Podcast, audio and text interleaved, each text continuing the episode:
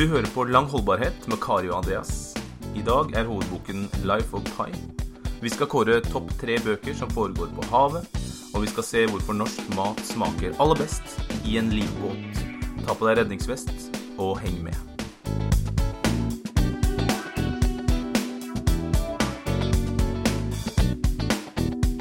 Ja, da var det første episode av eh, Lang holdbarhet, eh, Kari. Velkommen. Du er her. Hjertelig takk. Du er her, Andreas. Ja, da, da kan vi jo bare kjøre. Da er vi i gang. Vi må si hvem som har skrevet denne boka.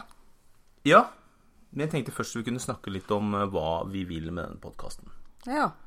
Um, gode bøker, hva er det? Det er jo et stort spørsmål. Store leseropplevelser. Ja. Hvorfor er de det? Mhm. Og det jeg tenkte, var at vi kunne velge én bok eh, hver episode som vi går grundig inn i. Ja. Vi tar den tiden vi trenger til å nærlese, diskutere, si hva vi føler. Fordi eh, bøker eh, er jo ikke ferskvare. Som veldig mange i forlagsbransjen eh, tenker. ikke sant? Er det mer enn ett år gammelt, så er det mammutsalg, og så går det rett på makulering. Ja, Det er forferdelig. Ja. Eh, Men for meg så er jo en bok du ikke har lest den, den er jo ny. En ny opplevelse. Hvis, selv om det er, uansett hvor gammel den er, da, ikke sant, så er, ligger den der. Det er en skjult skatt og venter. Og ber du folk eh, komme med yndlingsboka si, så er det slett ikke alltid en som er skrevet de siste tre årene. Nei, ikke sant? Og har, ja, har ikke du lest den, så, Så er den ny. så er den ny for deg. Um, og det tenkte jeg også med yndlingsbok, at eh, en, det kan være en sånn podkast. Vi kan spørre folk hva er din favorittbok, og så kan de komme og snakke med oss om den. Vi starter med våre favoritter. Hva er din favorittbok? Nei, nei, det vil jeg ikke si. Men vi har i hvert fall tenkt å plukke både nye bøker, noen få år gamle, og kanskje noen som er litt sånn årgangs òg. Ja. Ja. Og gjerne litt bøker som ikke alle har lest, som er litt ukjente. Ja. Og kanskje jeg har lest litt flere norske, og du er enda bedre på engelske. Ja. Og så finner vi kanskje noen som verken er norske eller engelske, men Jeg gjør meg klar til at jeg kanskje må lese noe jeg ikke har eh, lest før. ja, kanskje jeg må det òg. Mm. Men den vi har valgt i dag, har vi sånn hjerteforhold til begge to. Veldig, ja. Det var en ting jeg eh, tenkte på også, at gode bøker de åpner verden. Ikke sant? Mens mye bøker er bare sånn Det er bare ord. Det blir bare meningsløst for meg. Mens, mens jeg finner en bok som bare suger seg tak i meg, eh, og som åpner verden, da, liksom, da må jeg lese den hver dag. Hvis du ikke leser den boka du holder på med hver dag, ja, da er den ikke bra nok. Nei, for der ligger vennen din og venter. Ja. uh, og så gir det jo et sånn mulighet for samhold, eller for å bli kjent med folk, og snakke om bøker. ja, ikke sant? Det er jo nesten bare det vi gjør Ja. når vi er sammen. Ja, Ah, Men, men ja, ikke sant? Det, man får sin egen stamme, det med film og litteratur og Ja. Og da er du lytter velkommen inn i den stammen, vær så god. og vi hører gjerne fra deg på Facebook på Lang holdbarhet. Ja, men da kjører vi i gang. Life of Pi. ja. Det, det, er skrevet av um, Jan Martell. Skal vi først si litt om han, eller skal vi si noe kort om hva det er som uh, griper oss med boka? Bitte litt om han siden vi har nevnt navnet hans. Ja. Greit. Han ble altså um, født i øh, Nå må jeg finne det. Kan ikke du si noe? Spania. Gjorde han ikke det? Ja, nå skal jeg finne hvor jeg skrev det. Nå må du lete i papirene. Jeg mener at han ble født i Spania. At han har canadiske kanadiske foreldre, har han ikke det? Her har det. Ja. Helt riktig. Og han har bodd i eh, Costa Rica, Frankrike, Mexico og nå i, i Canada, da. Så han er en skikkelig sånn global fyr. Har han ikke reist en del i India òg? Han har reist til India, han eh, i Iran, Tyrkia, og han har eh, jobbet som treplanter, oppvasker, sikkerhetsvakt. Så han er sånn skikkelig friskis og en krølltopp. Så, og og det, det finner vi jo igjen i boka, ikke sant? at det er en sånn global bok fordi den foregår på havet, ikke sant? midt mellom alle land. Men samtidig veldig stedbunden, sånn eh, indisk kultur. Det er sånn fargerik og frodig, eh, full av konkrete, spesifikke Den lukter og smaker og Ja, er full av farger. Ja, det er det. Mm. Så det var eh, Han og boken kom ut i um, Faktisk, jeg sier det med en gang. Ja, gjør det. Den kom ut 11. september 2001, Mm. så den kunne jo ikke ha fått en dårligere start. Og så skriver han jo um, Han skriver da eh, om eh, religion og terrorisme så på side, side 71. Så det her, det her kom ut 9-11, og så skriver han eh, om, om folk som bruker eh, makt makt og, eh, eller vold eh, for å kjempe for Gud. Ja. These people fail to realize that it is on the inside that God must be defended, not on the outside.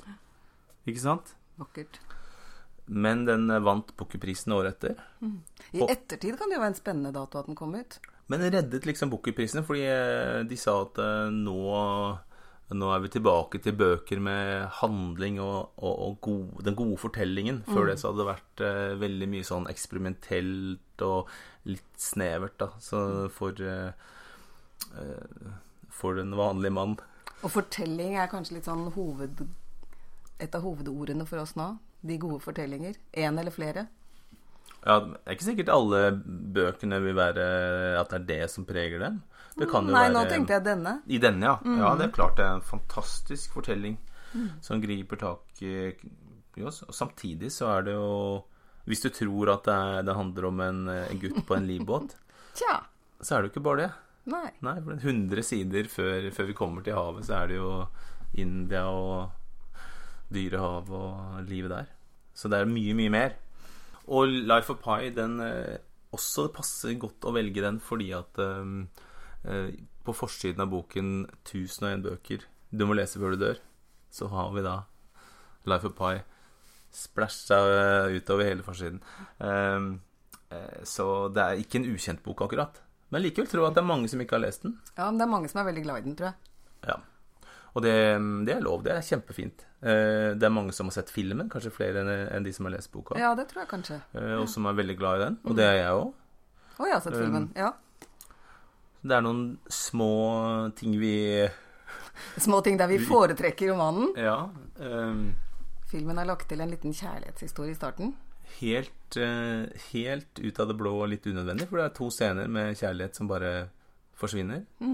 Um, og så um, ja, har den da en annen ting, som er det at um, han driver og teller dagene i filmen på livbåtene. Risser inn dagene, akkurat som, sånn som uh, vi ser på fengselsfilmer. Um, men så kommer jeg over et eh, godt sitat i boka. Nå bare... Men nå nevnte du en livbåt uten at vi har sagt noen ting Ja. om hva den har med romanen å gjøre. Så det, det var litt sånn vanskelig okay. å henge med her. Ja vel. Da skal vi ta litt om eh, handlingen da, før vi går på noen sitater sånn? Jeg tror kanskje vi må det. Det er vanskelig å holde, holde alt i riktig rekkefølge. Ok, han, Kari, hva handler eh, Life of Pi om, veldig kort? Den handler om Pai, ung gutt som bor i den lille byen Pondicherry på vestkysten av India. Østkysten. Det er rett over eh, Sri Lanka, ikke veldig langt opp. Det blir ikke øst... Ja, unnskyld, østkysten! Ja, Ja, ved bengalske bukta. Du har helt rett. Det er jeg som ikke kan øst og vest. Ja. Og familien driver en zoo, en dyrehage. Og vi trenger ikke si så mye annet om det enn at Pai av den grunn har veldig god kjennskap til dyr. Mm. Ville dyr, mindre ville dyr. Og hvordan de opptrer. Hva som er farlig, og hva som ikke er farlig. Han eh, blir jo eh, lært av faren liksom, hvordan han skal temme dyr, og at han må ha respekt for dyr. Og hvordan han selv kanskje skal skaffe seg respekt. Men også hvordan dyr lever med sine egne, i sjeldne tilfeller også med øh, dyrearter man ikke skulle tro de kunne leve sammen med. Og så får vi høre litt om hvor farlig de kan være, ja, hvis de kommer i den situasjonen. Eh, og så handler boken om eh, at denne gutten er veldig åpen for det åndelige. Mm. Og at han er hindu, men eh, møter både kristendom og islam. Og blir helt betatt. Og blir eh, Ja. Han kan ikke begripe hvorfor ikke man kan ha mange religioner. Ja, men Han sier at eh, hvis noen kan ha to pass, Ja. hvorfor kan vel jeg ha tre religioner? ja. Og han snakker om Gud som om det er én ting. Men så er det viktig Ja, men, og det artige er bare den artigste episoden, da, hvor han da er ute, og så treffer han alle de tre prestene, eller hva det heter. Som har omvendt ham, eller som har Ja, som ledet ham inn i Ja, først hindu-presten, og så, så den katolske presten og så den eh, imamen. Og, bare så, og de var sånn Nei, men er ikke du muslim? Nei, han er kristen. Nei, han er, nei, er Kampen om sjelen til Pai. Eh, men så er vel en viktig hendelse at familien bestemmer seg for å emigrere til Canada. Og ta med seg deler av dyrehagensdyrene. Mm. Og reise med skip. Og da har vi vært eh, samme Pai til han er blitt sånn 15-16 år. Når ferden går ut på havet. Og vi får vite med en gang at det går dårlig. Ja. At båten synker. Ja. Og så begynner en helt annen del av handlingen. Hvor det handler om overlevelse. Og det er grunnen til at Andreas i sted nevnte en livbåt, som da kommer inn i handlingen her. Alle som har sett forsiden på denne boka, har sett at det er en livbåt um, med en tiger og en gutt. Ja, gutten er pai, Mm. og tigeren er farlig. Og dermed er vi der. Ja, og så er vi der veldig lenge, og det tenkte jeg første gang jeg leste boka, at eh, ja, jeg føler at eh, det her er gjort langt med vilje, så jeg skal liksom kjenne hvor, hvor, eh, hvor lenge han var på livbåten. Blir det kjedelig? Det blir jo ikke kjedelig, men, men det er en drøy porsjon på havet, for å si det sånn. Men hvis det ikke hadde vært det, så hadde jo ikke vi, vi skal, øh, Leseren skal vel føle dramet, føle slitet, føle Ja. sulten, Ja, tørsten, Ja. angsten. Mm. Og noen veldig små glimt av glede. Eller i hvert fall av sterke opplevelser. Mm. Havet gir og havet tar. Det er jo det. At uh, plutselig så kommer det en sverm med flyvefisk, og, og, og så har de mat. Med, mens stort sett så er det hardt slit og En gang så sitter han og ser ned i vannet, og så han, forteller han om byen han ser der nede. All trafikken som går, alle Mm. Ja. veikryssene. Ja. Og da er han fascinert og ser fargene og livet og rett under seg. Det er fantastisk. Ja, ja.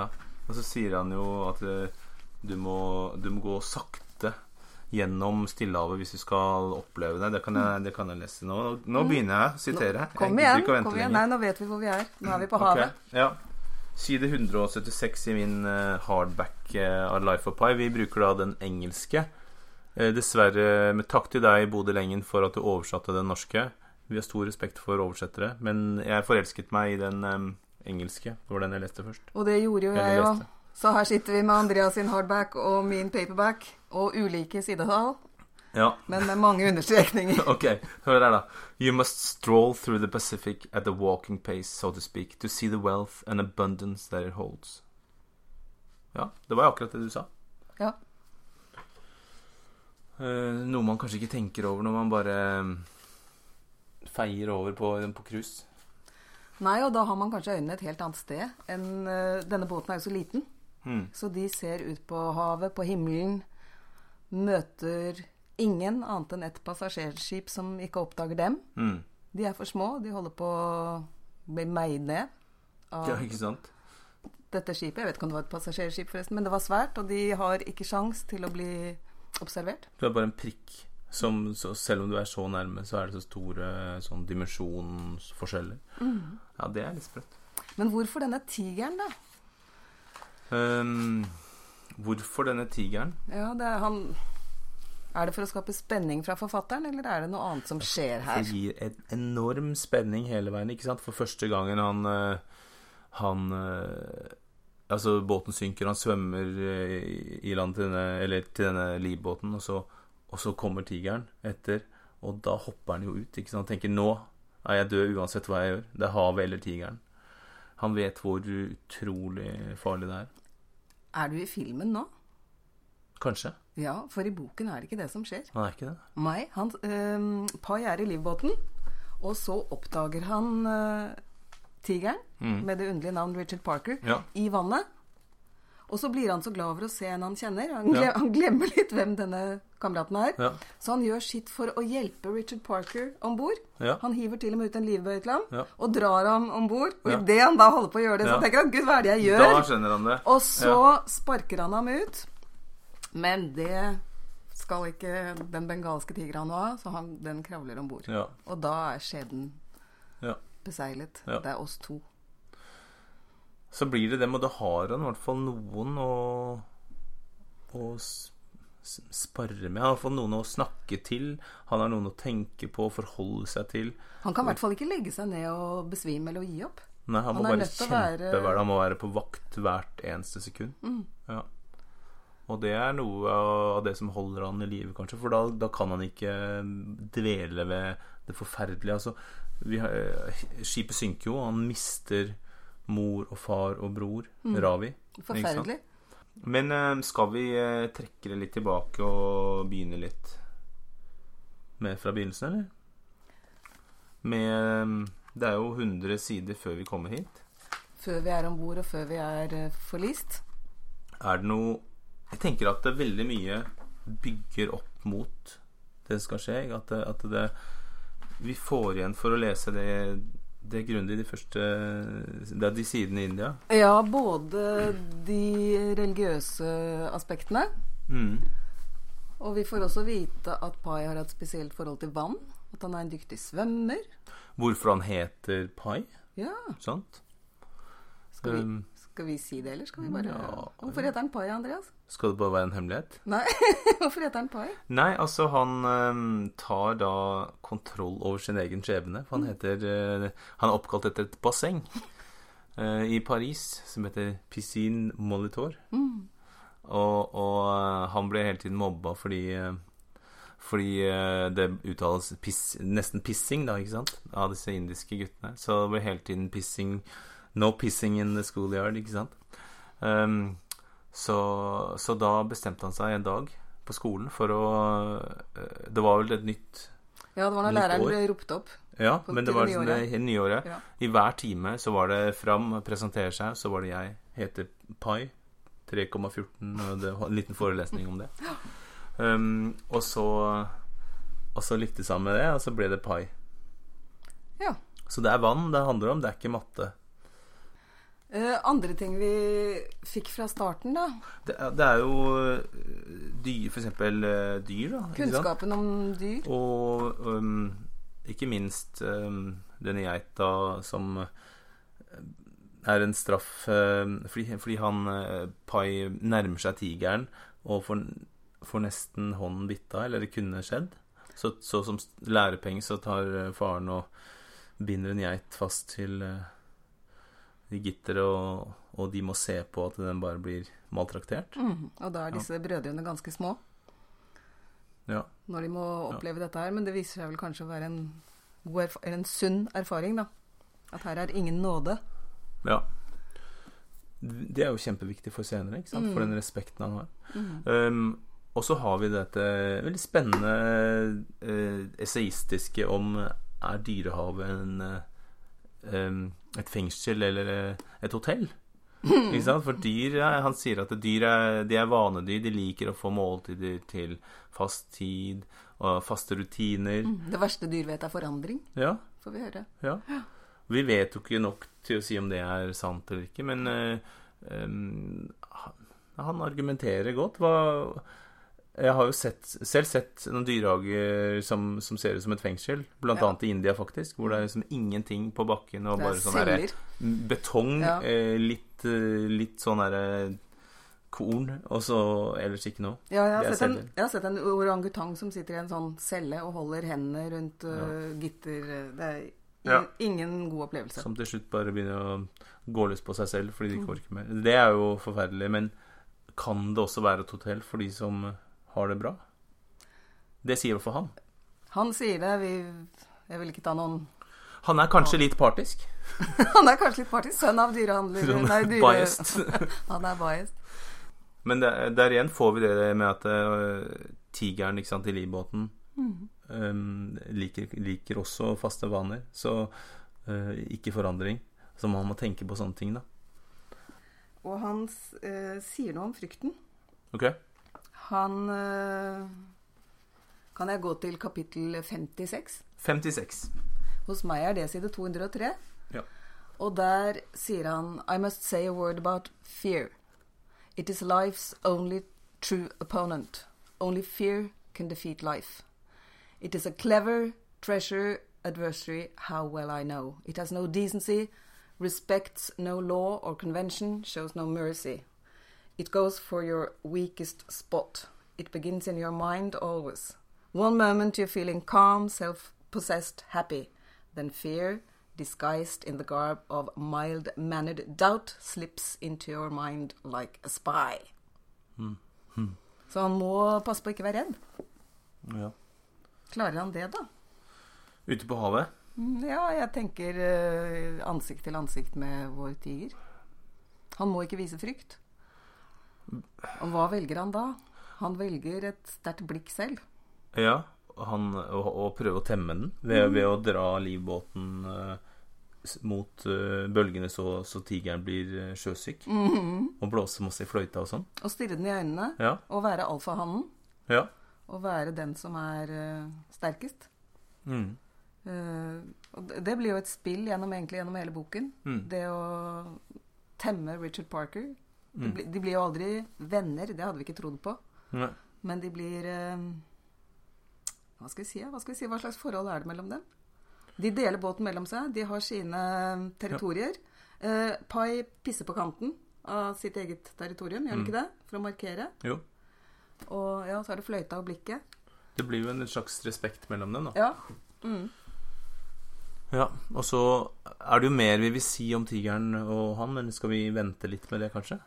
Ja, om, om vi kan tolke denne Ja. situasjonen og disse vesenene på annen måte enn en tiger og en gutt. Ja. Ja, skal vi si mer om Du vil bare gå rett på det? eh, Vi kan selvfølgelig gjøre det òg. Ja, det er eh, sånn at um, boka eh, heter Life of Pi på engelsk. Den heter ikke The Life of Pi. Når jeg tenkte over tittelen, tenkte jeg sånn Er det ikke litt sånn eh, kjedelig? Det, jo, det handler jo ikke bare om liksom, Det er jo ikke livshistorien hans, det er en liten bit. Men så kom jeg på at ja, det er jo, det er jo liv og død det handler om. Overlevelse. Så det er ikke The Life. Uh, men på norsk så heter den jo Historien om Pi, som Ja. er litt annerledes. ja, jeg innvendte jo her at jeg kunne tenkt meg at den het Historier. Ja. Når innventet du det? Da tenker jeg Da må, da må vi begynne å spoile litt her. Ja. Fordi at uh, mot slutten av boken så får vi andre ja, Hva skal vi si? Ja? Tips om at det kan være noe annet som har skjedd enn det åpenbare. Mm. Og vi får tanker om at uh, tigeren ikke nødvendigvis er et fysisk uh, jungeldyr om bord i båten, Mm. men at Pai for å overleve bringer fram tigeren i seg selv og må bli forferdelig sterk, nådeløs. uh, at han rett og slett eh, At tigeren er en del av hans egen personlighet. Ja. Og, og ikke den milde, humane hinduen, Nei. men eh, den rå. Den som må drepe. Rake motsetning av den milde vegetarianeren. Mm. Ja. Kan, har vi han i oss alle sammen? Vi har jo ikke sant? Vi er alle dyr og mennesker. Og, og fordi det er noe som løfter mennesket over det å være dyr. Det handler jo mye om religion og Gud i denne boka, ikke sant? Også. Så derfor så blir det enda mer interessant, dette skillet. Ja, og Pai forteller første gang han dreper en liten fisk. Mm. Så forklarer han det som en helt forferdelig hendelse. Og han sier, vi får jo vite tidlig i boken at han overlever, for det er en jeg-fortelling. Eller han forteller til en forfatter. Um, da sier han at uh, den dag i dag har jeg ikke en aftenbønn uten at jeg har med den fisken Nei. som han dreper. Men så, like etterpå, så kaster han seg over skilpadder og andre fisk og sier at uh, alt blir en vane, også det å drepe. Ja. Og denne ømme boken er også ganske brutal, så jeg må innrømme at det er partier her som jeg ikke klarer å lese. ja, men det er spesielt mot slutten. Ja, det er et par tidligere òg. Ja, ok. Det er et par tidligere. Hva tenker du på da? Uh, eh, da må vi snakke om ting vi ikke har snakket om enda, men det er flere, flere dyr og flere skikkelser som dukker opp. Ja. Og de gjør ende på hverandre på bestialske måter. Bestialsk passer her. Ja.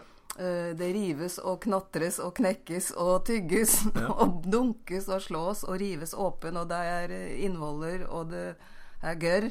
ja. Uh, umenneskelig passer også bra. Ja. For det er sånn enormt spenn i denne boka. ikke sant? Ja. Fra det realist, hyperrealistiske sånn Ja, den knasingen til da den store, åpne himmelen med, med, med Gud. ja. Og det blir aldri kjedelig. Du sa det var en lang båtreise i sted, men det blir virkelig aldri Nei, fordi han varierer i formen hele tiden òg.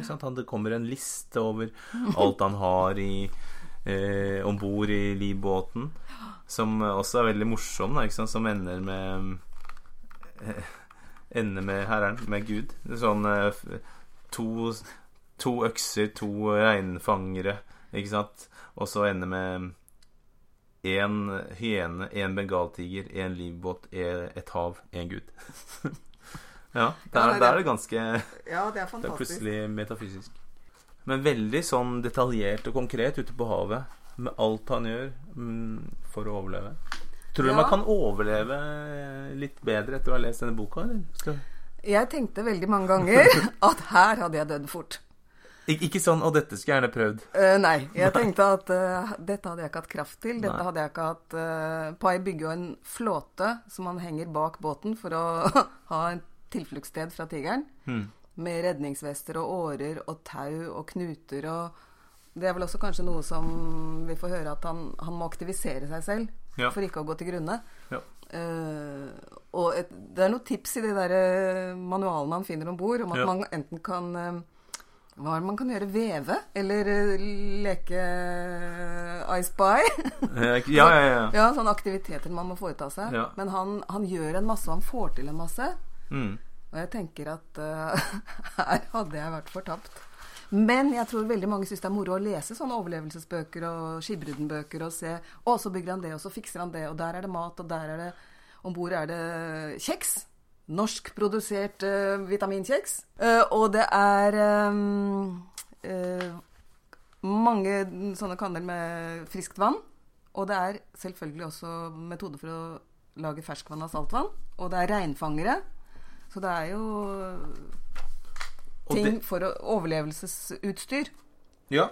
Og det, og det hjelper han jo veldig Det er jo spesielt vann som er problemet. Vi må jo, vi må jo se på den norske maten, da, som- siden jeg sa det på begynnelsen av programmet. Ja. Her står det altså 100, side 144 Norwegian cuisine was the best in the world.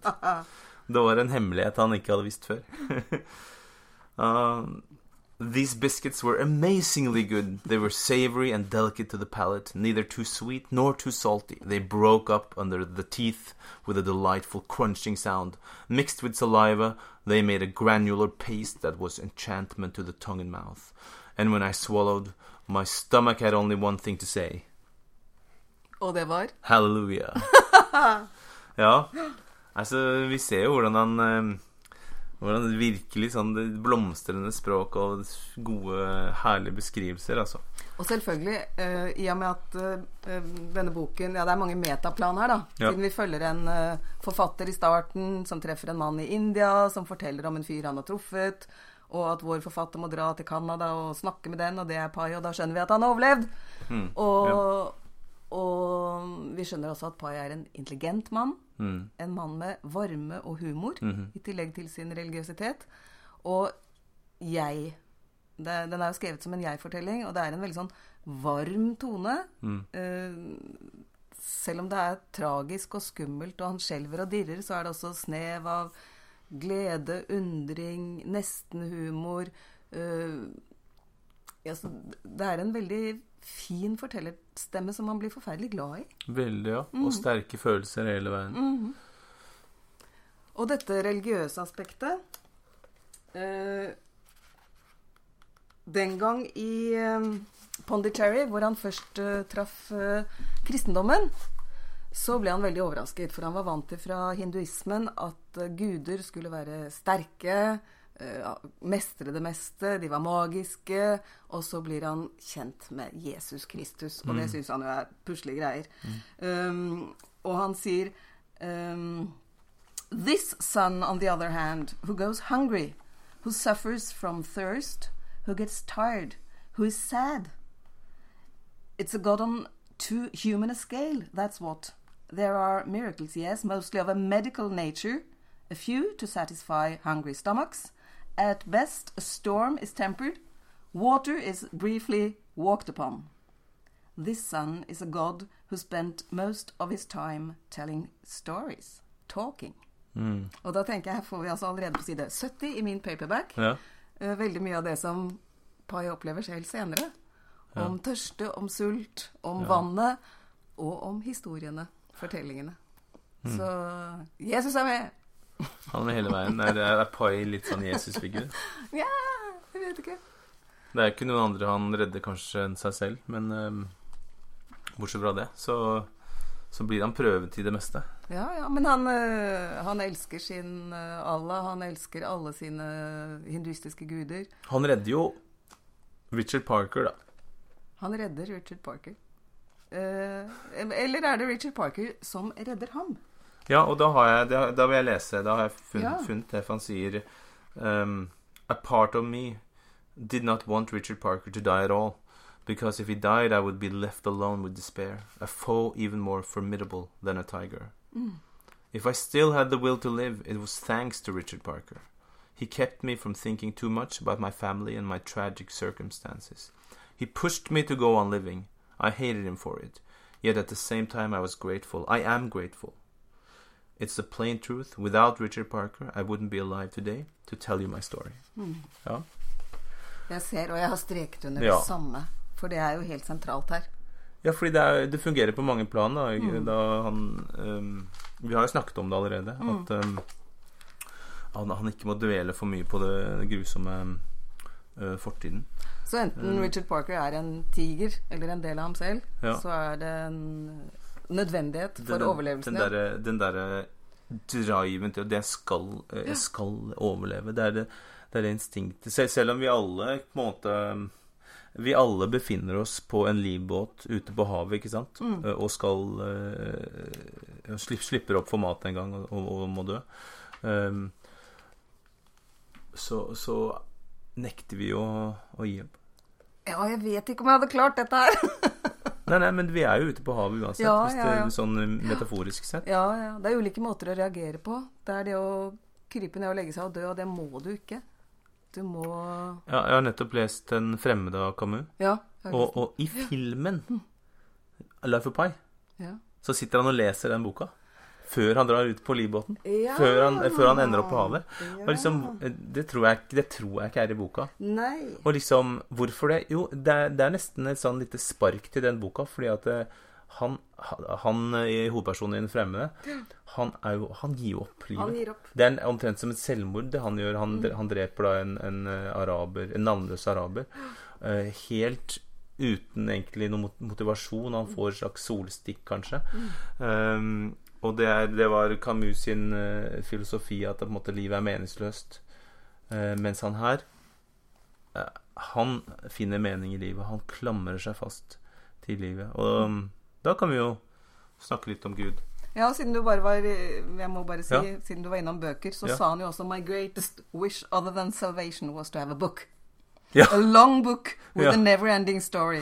One I could read again and again with eyes uh, with new eyes and a fresh understanding each time. Ja. Og også det. Ja. New eyes and a fresh understanding each time. Ja. Og det er det vi får når vi leser boka. Det er det vi får. Det er kjempebra. Ja, ja, ja. Og det er det um, jeg liker å si også, at en, en, en bok som man um, bare kan lese én gang, ikke to ganger, det er ikke verdt å lese første gang. Det var C.S. Lewis som sa noe sånt. og det er sånne bøker vi skal snakke om her. Da. Bøker som uh, blir bedre jo flere ganger du leser dem. Det er jo en journalist som kommer til han i den rammefortellingen. En journalist kommer til han og skal, og skal høre hele historien hans. Eh, og så sier ha Pai at uh, denne historien får deg til å tro på Gud.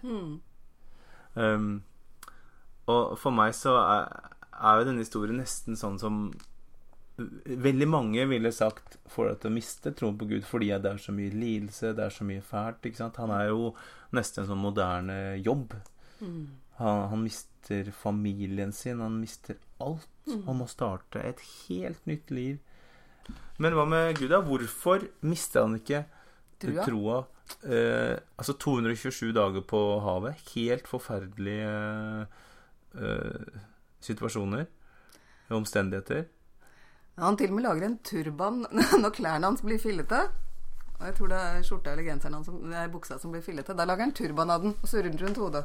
Ja. Og han, og han, han, og han tilpasser bønnene Ja. til sin nye situasjon. Han han har bønnestunder og legger seg her og legger seg der. Så her, eh, her er det et religiøst liv på gang. Jeg tror det er litt som, som å Man kan ikke miste um, troen på vannet, på en måte, som er Den bare er der under alt. Um, at det, for han, da. Ja, ikke, så- sant? ikke for alle mennesker, men for han så er bare Gud Det er, det er grunnen. Og, og, så, og så ber han jo om barmhjertighet og, og hjelp, og noen ganger får han det, andre ganger får han det ikke. Og så finner han kanskje trøst i ritualene sine. Det er klart. At eh, det, han trenger ting til å bryte opp dagen, ting han kan gjøre, ting som gir, han i hvert fall har før gitt mening. De Ja, kan fremdeles Men gi mening. nå forklarer du liksom rasjonelt hvorfor han holder, Sorry, da. holder fast Ja, men han, Ja, han ville vel ikke være enig i det, bare. Han ville vel si at Gud er, eh, Gud er eh, større enn det her. ja, kanskje. Overalt.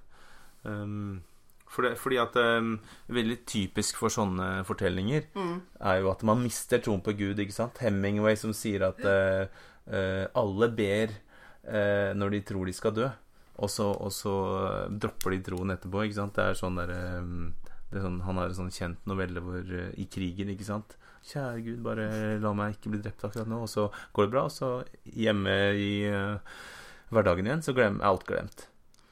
Ja, veldig menneskelig og veldig banalt. Ja. OK, da, du, dere har det fra Kari. Hemingway var banal. Nei, men, Men- akkurat, akkurat den greia der, at, du, at du bare uh, blir ydmyk, eller at du bare blir religiøs når du trenger det, Ja. det er jo ikke noen sånn spesiell Nei, nei, men, men, men jeg tenkte på Stephen Cranes Ja, ja. sin kjente Ja. novelle Mm. The Open Boat, som er akkurat samme greia, bortsett fra at det er litt flere folk i livbåten. Um, og så sitter de der, og det er eh, Ja, de holder på å dø, og det er noen av de dør, og det er eh, eh, kjempefælt, og så mister de troen på Gud fordi at det er Nei, Gud kan jo ikke finnes når naturen ikke bryr seg, og det der greiene. Det er jo Nei, og Ja. det sier jo folk hele tiden. Når det er som, som egen lidelse i verden, Ja. så kan det jo ikke være noen gud som sitter og ser på dette og ikke Ja. griper inn. Og her har du jo masse lidelse, men også en sterk tro. Så det er sånn spennende kontraster. Det er liv, død, ensomhet, liv og liv overalt. Ikke sant? Han, er, han er ganske ensom i livbåten, men under han i havet myldrer det av liv. Han føler seg alene, men han mener også at Gud er med. Jeg snakket jo om frykt i sted. Han snakker også om de siste allierte etter frykten. Det er håpet Mm. og tilliten eller troen på at eh, det kan gå bra. Så det mm, Det er jo ikke bare troen, men eh, du må håpe. Du må ikke miste håpet. Mm. Og, og han klarer det jo lenge, men det, det røyner jo på til slutt. Eller eh, ikke til slutt, men etter en stund så blir han jo både fysisk syk Ja. av eh, utmattelse, sult, tørst.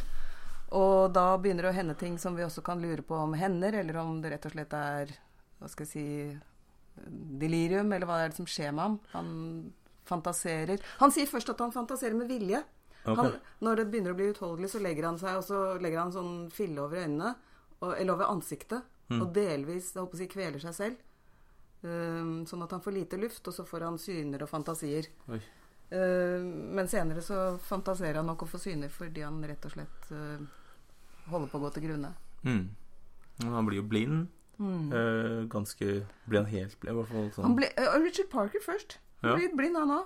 Han begynner å snakke med Richard Parker, Ja. som snakker tilbake. Og da tenker vi også at han kanskje er i grenseland. Ja, ja, ja. Da begynner det å røyne på. Og han møter en annen En annen blind mann i en båt midt ute på havet, Ja. på Stillehavet, det er jo ikke så sannsynlig, så her er vi kanskje også i et Ja. slags uh, ja, Et grenseland mellom liv og død. Det glir over i Ja, ja. Mm. I sånne ja, ab absurde situasjoner. Ja. Og så ender vi opp på denne Ja, men før det, før ja. det i, Når han møter denne som han kanskje ikke møter De tankene han har i hodet da, handler jo om forferdelig grusomme ting.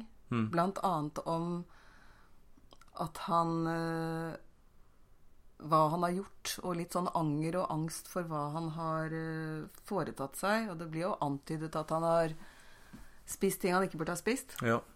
Mm. Uh, det er litt sånn kannibalisme på gang her, ja.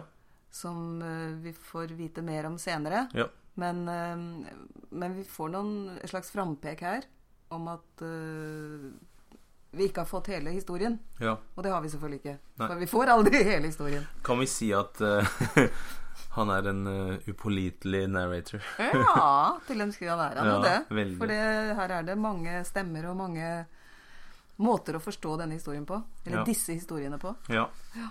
Og så lander han et sted, ja. Som kanskje også er en del av uh, at han er i et grenseland. ja.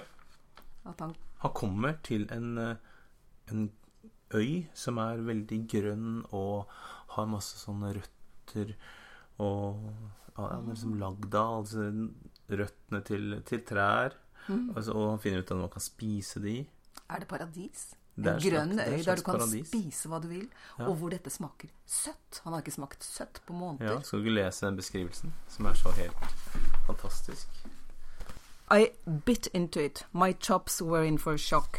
The inner tube was bitterly salty, but the outer was not only edible, it was delicious.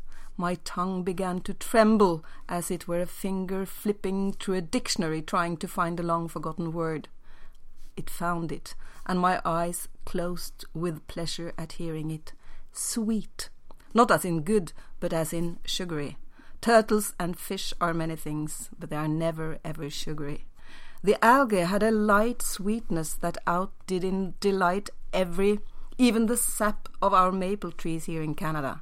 Its consistency, the closest I can compare it to, is uh, water chestnuts.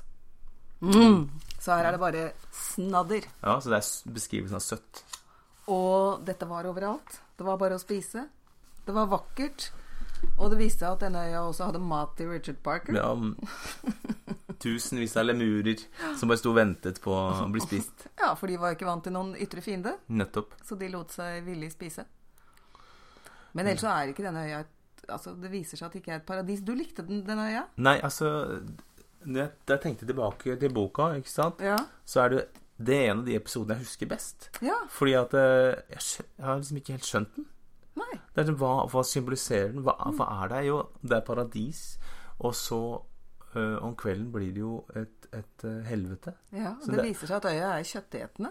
Ja. Så det, det er jo en, en, en sånn oppsummering av hele den turen hans. Det er himmel og helvete. Det er ikke så mye himmel, men det er som begge deler. Mm. Og jeg mislikte øya fra dag én. Ja. Fordi jeg mistrodde den. Og, og så tror jeg det var det at eh, Den var helt unaturlig. Dette var, jeg er ikke så glad i science fiction. Nei, nei, nei. Det det, det var noe Dette stemte ikke. ikke det hele tatt. Den hadde ingen strand. Den hadde disse merkelige Ja, den er veldig rar. Eh, spennende skrevet. Så hvis du hadde vært redaktøren hans, så hadde du sagt ta ut den? Å nei, selvfølgelig ikke. Man skal vel ikke ta ut alt man finner ubehagelig. nei, nei. Vi må ha øya. Men det er helt åpenbart at den eh, Ja, at den får oss til å undres, da. Hva er dette? Hva betyr det? Og det betyr vel ja, Vi har ikke noe svar på det. Men det er vel sannsynlig at Pai her ikke er helt uh, med. Det er nok helt klart en hallusinasjon Ja. og et tegn på at det går mot slutten. Um, men da er det sånn rart at det, at det glir over til et sånn mareritt, da. Ikke sant? Men det Nei, men hvis, han, eh, hvis dette er eh, fantasier, på en måte, mm, så speiler det jo hans tilstand, som kan være et vilt håp om ja. uh, næring, og så elendigheten hans. Han er jo svak og syk og halvblind og, Ja. og skrekkelig. Ja. Etter denne øya så fortelles det ganske raskt om den siste båtturen, Ja. som bringer ham til redningen. ja. At han ender opp ved kysten av Mexico. ja. Og så uh, forsvinner Richard Parker i, uh, i, i jungelen. Ja. Han har liksom vært der i 227 dager, og så plutselig så er det farvel uten, uten egentlig noe ordentlig farvel. Og Og det- det syns han er sårt. Ja, det plager ham veldig. Og mm, Og hvis vi sier da at, eh, at tigeren også representerer den dyriske siden av han, Ja. betyr det at han, han mister den? At han ikke trenger den lenger for å overleve eh, Jeg skal svare på det nå. Ja. Fra side 360. Eh, når eh, Richard Parker forsvant, og han eh, eh, ligger der på stranden, eh, så sier han I wept like a child. I was weeping because Richard Parker had left me so unceremoniously. I'm a person who believes in form, in harmony of order. Hmm. Where we can, we must give things a meaningful shape. For example, I wonder could you tell my jumbled story in exactly 100 chapters? ja. Not one more, not less. It's important in life to conclude things properly. Og de få gangene vi møter eh, Pai som voksen i Canada, så er han en veldig sånn høflig, skikkelig, velkledd eldre mann med usedvanlig velfylt spiskammer. spiskammel. Der er det alltid mye mat. Så han har vel for evig angsten for å sulte. Siste del av boka er rar. Han er på et sykehus i Ja. Mexico og blir oppsøkt av to representanter for uh, rederiet, det japanske rederiet som eide denne Tsimtsum-båten som sank. Ja, og de vil vite hva som har skjedd. Ja. Og de er ikke fornøyd med denne historien som vi har fått, Nei. med tigeren. Og, og øh, spør om en annen fortelling. Mm. Og nå har jo ikke vi fortalt sagt så mye om disse andre dyrene på begynnelsen. Det har ikke vi sagt. Nei, fordi at eh, det blir litt eh, komplisert og litt mye. Ja. Men i starten så var det ikke bare Richard Parker, Parker som var om bord. Mm. Det var både en hyene og en sebra, og det kom flytende en orangutang. Mm. De er jo uh, i båten, disse fire dyrene, sammen med Pai. Og en etter en så blir de jo spist uh, På, grus, øh, på grusomt vis. grusomt vis. Og først uh, litt hyenen som dreper, og så litt tigeren, da. Og Eh, denne orangutangen som, ja, som blir drept. Ja, ja, de alle blir drept. Bortsett Um, fra tigeren. Hyenen er jo det verste, mest irriterende animalet. som bare Animalet. Ja, det, løper rundt i ring og hyler. Eh, nei da. ehm, fordi ja, de ikke sant, unnslipper eh, båten når, når den synker, for det er jo masse dyr der. Eh, og så er det sånn at eh, den andre historien Pai forteller, den handler ikke om dyr, men den handler om mennesker. Um, så går det an å tolke alt sammen på en sånn helt sånn rasjonell måte, da. konkret og grufull, og kanskje for konkret og for grufull, til at den kunne få lov til å eksistere hvis han skulle overleve. Han gjør det nok for å beskytte seg selv og fortelle en ordentlig en, en, en annen historie som Ja, og, og um, han spør jo denne um, journalisten som han forteller hele fortellingen til, hvilken historie foretrekker du? Sånn, Og han og svarer den med tigeren. Men du skulle lese om orangutangen?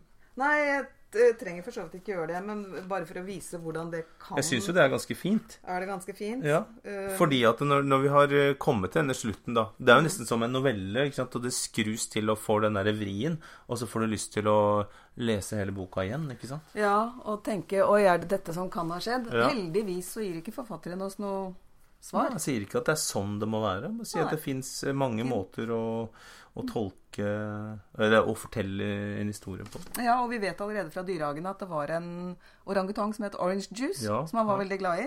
Og her kommer hun rett etter forliset. Flytende. Det står She came floating on an island of bananas in a halo of light as lovely as the Virgin Mary. The rising sun was behind her. Her flaming hair looked stunning. Orangutang, ja.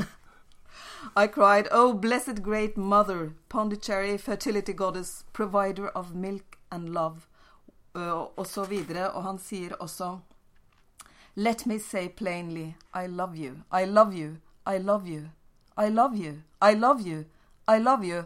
Uh, not the spiders, please. For hun kom jo flytende på en haug med bananer, og der var det nok en rekke Men det er ting her som, som tyder på at uh, Ja, han sier også How bitterly glad I am to see you. Det er fin oksymoron. Det er bitterly glad. Det er liksom begge deler. Det er, det er trist og glad. Uh, you bring joy and pain in equal measure. Ja. Joy because you're with me, but pain because it won't be for long. Så vi får noen grusomme tanker om mødre og greier. Men uh, vi må sortere alt selv. Bygge historiene selv. Ja.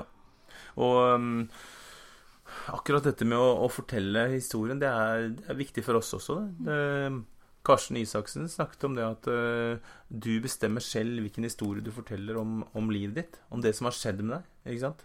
Skal vi dvele vi ved det fæle tingene, eller, eller uh, forteller vi mest uh, de positive tingene? ikke sant? For vi, vi pleier gjerne å huske hvert fall jeg husker best fornærmelser og, og vonde opplevelser. Ja, ikke sant? ja, klart. Og så glemmer vi alle de gode tingene vi har opplevd. Men vi forteller vår egen historie. Og disse japanerne, de ber om å få sannheten. Ja. Og da sier Pai um, Og, og, de, og de påstår også at han finner på ting, da. Ja. Og så sier uh, Pai Isn't telling about something using words, English or Japanese, already something of an invention? Isn't just looking upon this world already something of an invention?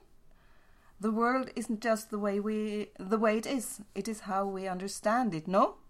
And in understanding something, we bring some, something to it, no? Doesn't that make life a story? Ja, ja, ja. Og det, det tenker jeg litt på Denne boka blir beskrevet som en fantasybok. Og det er jo sånn Det ville han i hvert fall ikke like, for han ville si at det, ehm, Altså forfatteren at alle bøker er jo det. For at det, ingenting er jo kan representere virkeligheten helt sånn Helt korrekt. Fordi alle har sin egen versjon av virkeligheten, ikke sant? Det er jo derfor det er spennende å lese bøker, for vi får vite hva andre tenker og føler, og kommer liksom inn i en, et annen, en annen verden. Mennesker har ulike vinklinger og ulike forestillingsverdener.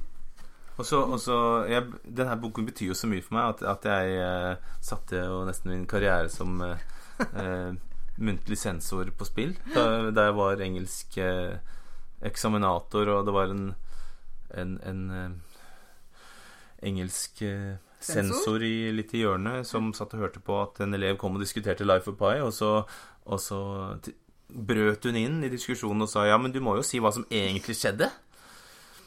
Og så tenkte jeg at nei, men det er jo ikke Du kan nei, Først så tenkte jeg du er sånn type person, ja. Det er, eh, ikke sant? Det er eh, to typer personer i verden. De som har sprudlende fantasi, og de som bare vet akkurat som hva kategorier. som skjer. Um, ikke rom for noe mm, embellishments. Um, men da Nei, det likte jeg ikke i det hele tatt. Og, og etterpå så gikk jeg til sjefen og sa at det der Hun må du ikke bruke mer. Og da endte det opp med at jeg ikke ble brukt mer. Det sa ikke noe bra om sjefen. Men siden har jeg fått religion, da. Så det Ja. passer bra med boka. Ja, men man kan godt lese denne boken uh, uten å være religiøs på en måte. Ja da. Dette er et eventyr. Dette er eh, action, det er skjønnhet, det er poesi, spenning Ja, det er fort, fortell, historiefortelling på så mange vidunderlige plan. Ja. Ja. At, uh, og det handler ikke om uh, forkynnelse. Men det er viktig å, viktig å advare mot det. Advar mot forkynnelse. Ja, ja, men vi har litt ulikt forhold til religion. Ja. Så mm, Ja, men uh, Jeg bare syns det er vakkert. Og det er fint fordi det er litt uvanlig, ikke sant? Det er um, den klisjeen ikke sant, om at nei, vi skylder på Gud. Men det trenger ikke alltid å være sånn. Det er, ikke, det er veldig mange i verden som faktisk er religiøse. Flertallet. Ja, og det er bare hva? her på berget ikke sant? Vi, at vi sitter og tror at ingen er religiøse. Når eh, disse her eh, japanerne ikke vil tro på pai, så, og de er så veldig høflige Ja. Og de, når de er høflige, så lyver de. De sier at uh, alt er bra, og han er hyggelig, og de har hatt en fin reise og sånn. Alt er løgn. Og han sier 'Don't you bully me with your politeness'. Ja, det er så bra. Love is hard to believe. Ask any lover. Life is hard to believe. Ask any scientist. God is hard to believe. Ask any believer. What is your problem with hard to believe? Og Ja, de sier er we're sant. just being reasonable. Ja. Og han sier so am I. I applied my reason at every moment. Men de blir jo litt eh, overbeviste, han også, siden de avslutter rapporten med å eh, si at det handlet om en tiger. Ja, det var de som likte den historien best. Var det ikke det? Nei, jeg tror begge. Ja, begge. Eller, I filmen i hvert fall så liker Ja. journalisten det. Men eh, de her foretrakk um, historien Ja. om uh, tigeren. Så disse veldig fornuftige japanerne fra forsikringsselskapet, eller fra havariet Nei, fra rederiet. De, de foretrakk eh, den fantasifulle historien. Ja, han sier So tell me, since it makes no factual difference to you and you can't prove the question either way, which story do you prefer? Which is the better story? The story with animals or the story without animals? Oh, that's an interesting question. Uh, og så svarer japaneren The story with animals. Og da sier Pai Thank you. And so it goes with God. Ja. Hva nå det betyr. Ja, hva nå det betyr? Jeg skjønte ikke helt den setningen, jeg. Nei um...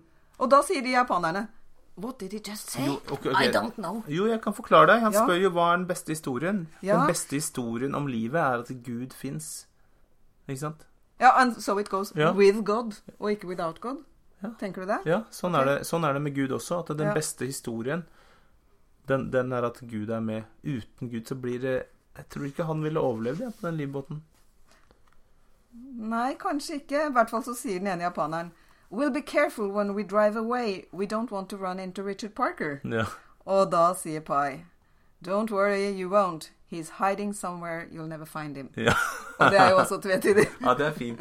Flott. Oi, oi, oi. Altså Når han er ute på havet da, Jeg vil jo bare nevne det her på 215, så, så Måten forfatteren skriver på, hvordan, hvordan han uh, blir mer og mer svimmel og Jeg syns bare det var så fint. Uh, han da um, Setningene begynner med 'the sky, the sky, the sky, the sky', the sky, the sky Og så et helt avsnitt, og så kommer 'the sea, the sea, the sea', the sea was dead silent. Uh, så det er bare en himmel og hav, og det er bare uh, blått og blått og blått, og det blir helt Han blir helt ør. Nei, det er en del sånne flotte beskrivelser.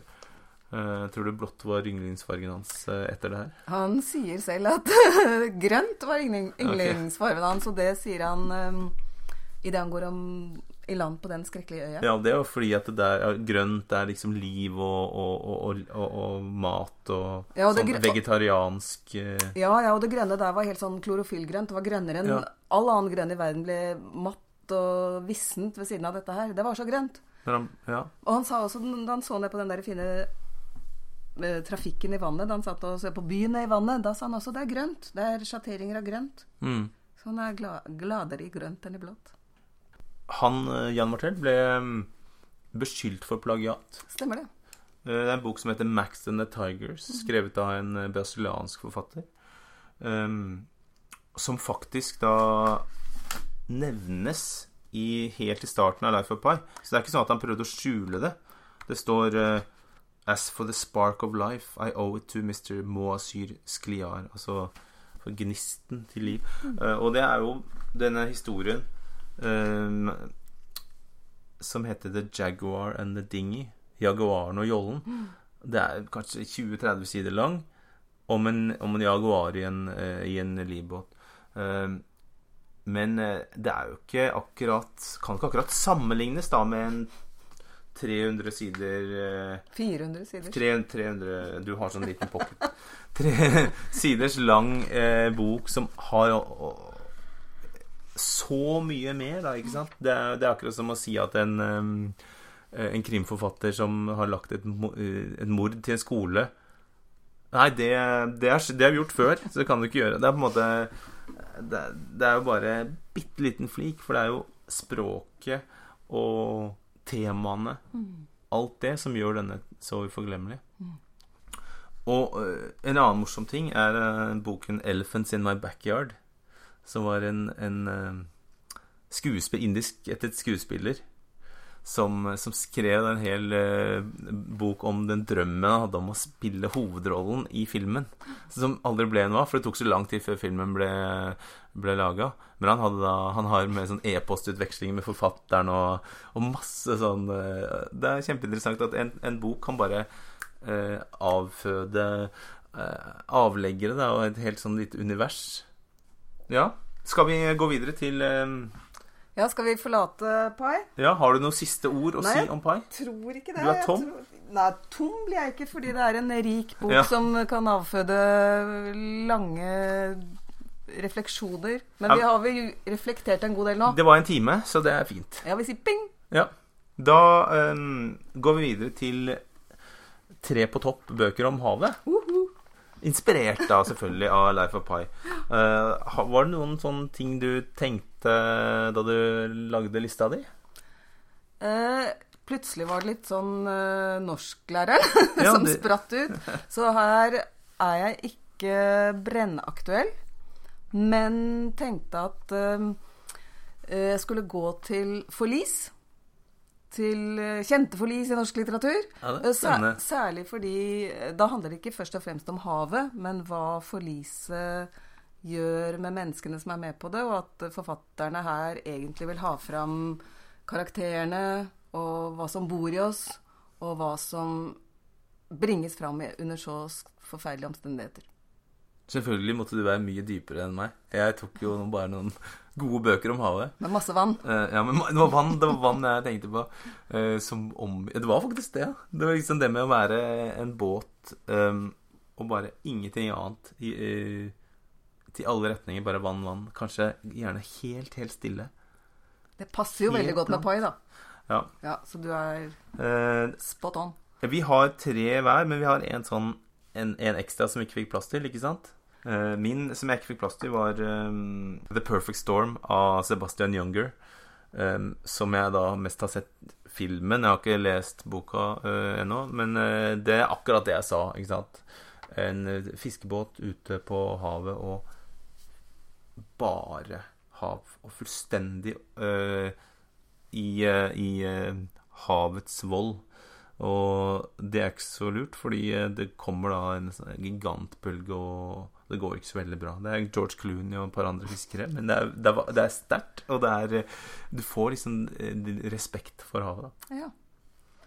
Eh, jeg hadde en sånn sakprosabok på vent, nemlig Havboka til Morten Strøksnes.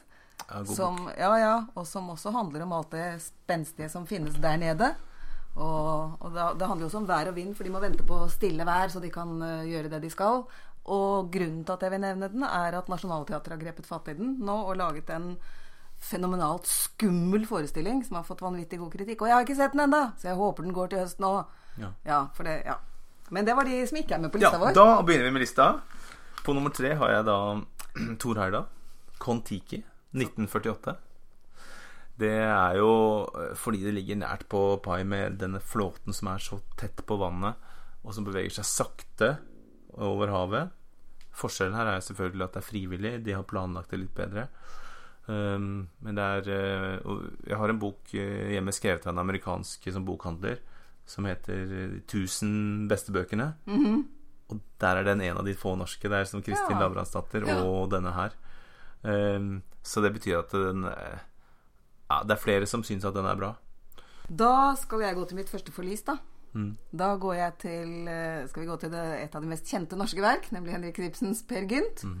Da er vi tilbake til 1867. Og mm, i slutten, eller mot slutten av boka så skal Per eh, Adrama Så kommer Per hjem til Norge etter et uh, livlig liv ute i verden. Og han kommer til sjøs på et skip, og skipet forliser. Og Per har opprinnelig tenkt å være raus mot mannskapet. Eh, men så får han vite at flere av dem har kjerring og unger der hjemme. Og da blir han misunnelig og bitter. Og så ender han eh, i dette forliset på et hvelv sammen med kokken, som han, har fått høre, som han får høre at har kjerring og unger der hjemme. Hva er et hvelv for noe? Ja, eh, bra du spør, Andreas. Når en sånn jolle ligger opp ned, eller en båt ligger opp ned, og kjølen med kjølen i været, da er det liksom hvelvet, da. Kvelvet. Og der ligger Per og kokken, og da blir Per nådeløs. Og han ber kokken be sin siste fadervår, og over og ut med ham. Så dette er eh, ikke det gode som kommer fram i Per. Det var forlis igjen. Vær så god. Ja, takk. Da har jeg en skikkelig eventyrroman, siden vi sa at Pai var, var eventyr. Det her er da Jules Verne, en verdensomseiling under havet. 1870. Ikke Kap- engang oppå vannet, men nedi. Kaptein Nemo nedi vannet. Det er jo blekkspruter og masse spennende under der. Eh, og så ender vi jo selvfølgelig opp i Norge, i Saltstraumen, da. Så det er en norsk eh, connection der, altså. Ja. Ja, da skal jeg gå til Forlis 2. Eh, til eh, en av de seks romanene i Olav Duns serie Juvikfolket. Eh, denne siste heter I stormen. Og her er vi nok en gang på Kvelven. Eh, det er eh, to av eh, Vi er vel på Helgelandskysten. Og to av de viktige skikkelsene i boka er ute på båttur. Det er Odin, som er den staute i bygda. som folk kan stole på, som har gudstro og er skikkelig. Og så er det Lauris, som er en ynkelig lort, som ljuger og gjør mye gærent. Så blir det forlis igjen, da. De kullseiler og blir sittende på kvelven. Og Odin, som er den store sterke, tenker jo først at nå kvitter vi oss med denne Lauris en gang for alle. Det er ikke plass til oss to her. En av oss må dø. Men så kommer det en stemme fra oven. Så her kommer det noe religiøst inn i bildet. Uh, Odin hører Guds stemme, og han tenker at nei vel. Så han sier til Lauris uh, hva om du fikk livet? Og Lauris piper ja. Og Odin tar faktisk en åre under hver arm og slipper seg ut i havet. Ut i vannet, den visse død. Og lar Lauris overleve.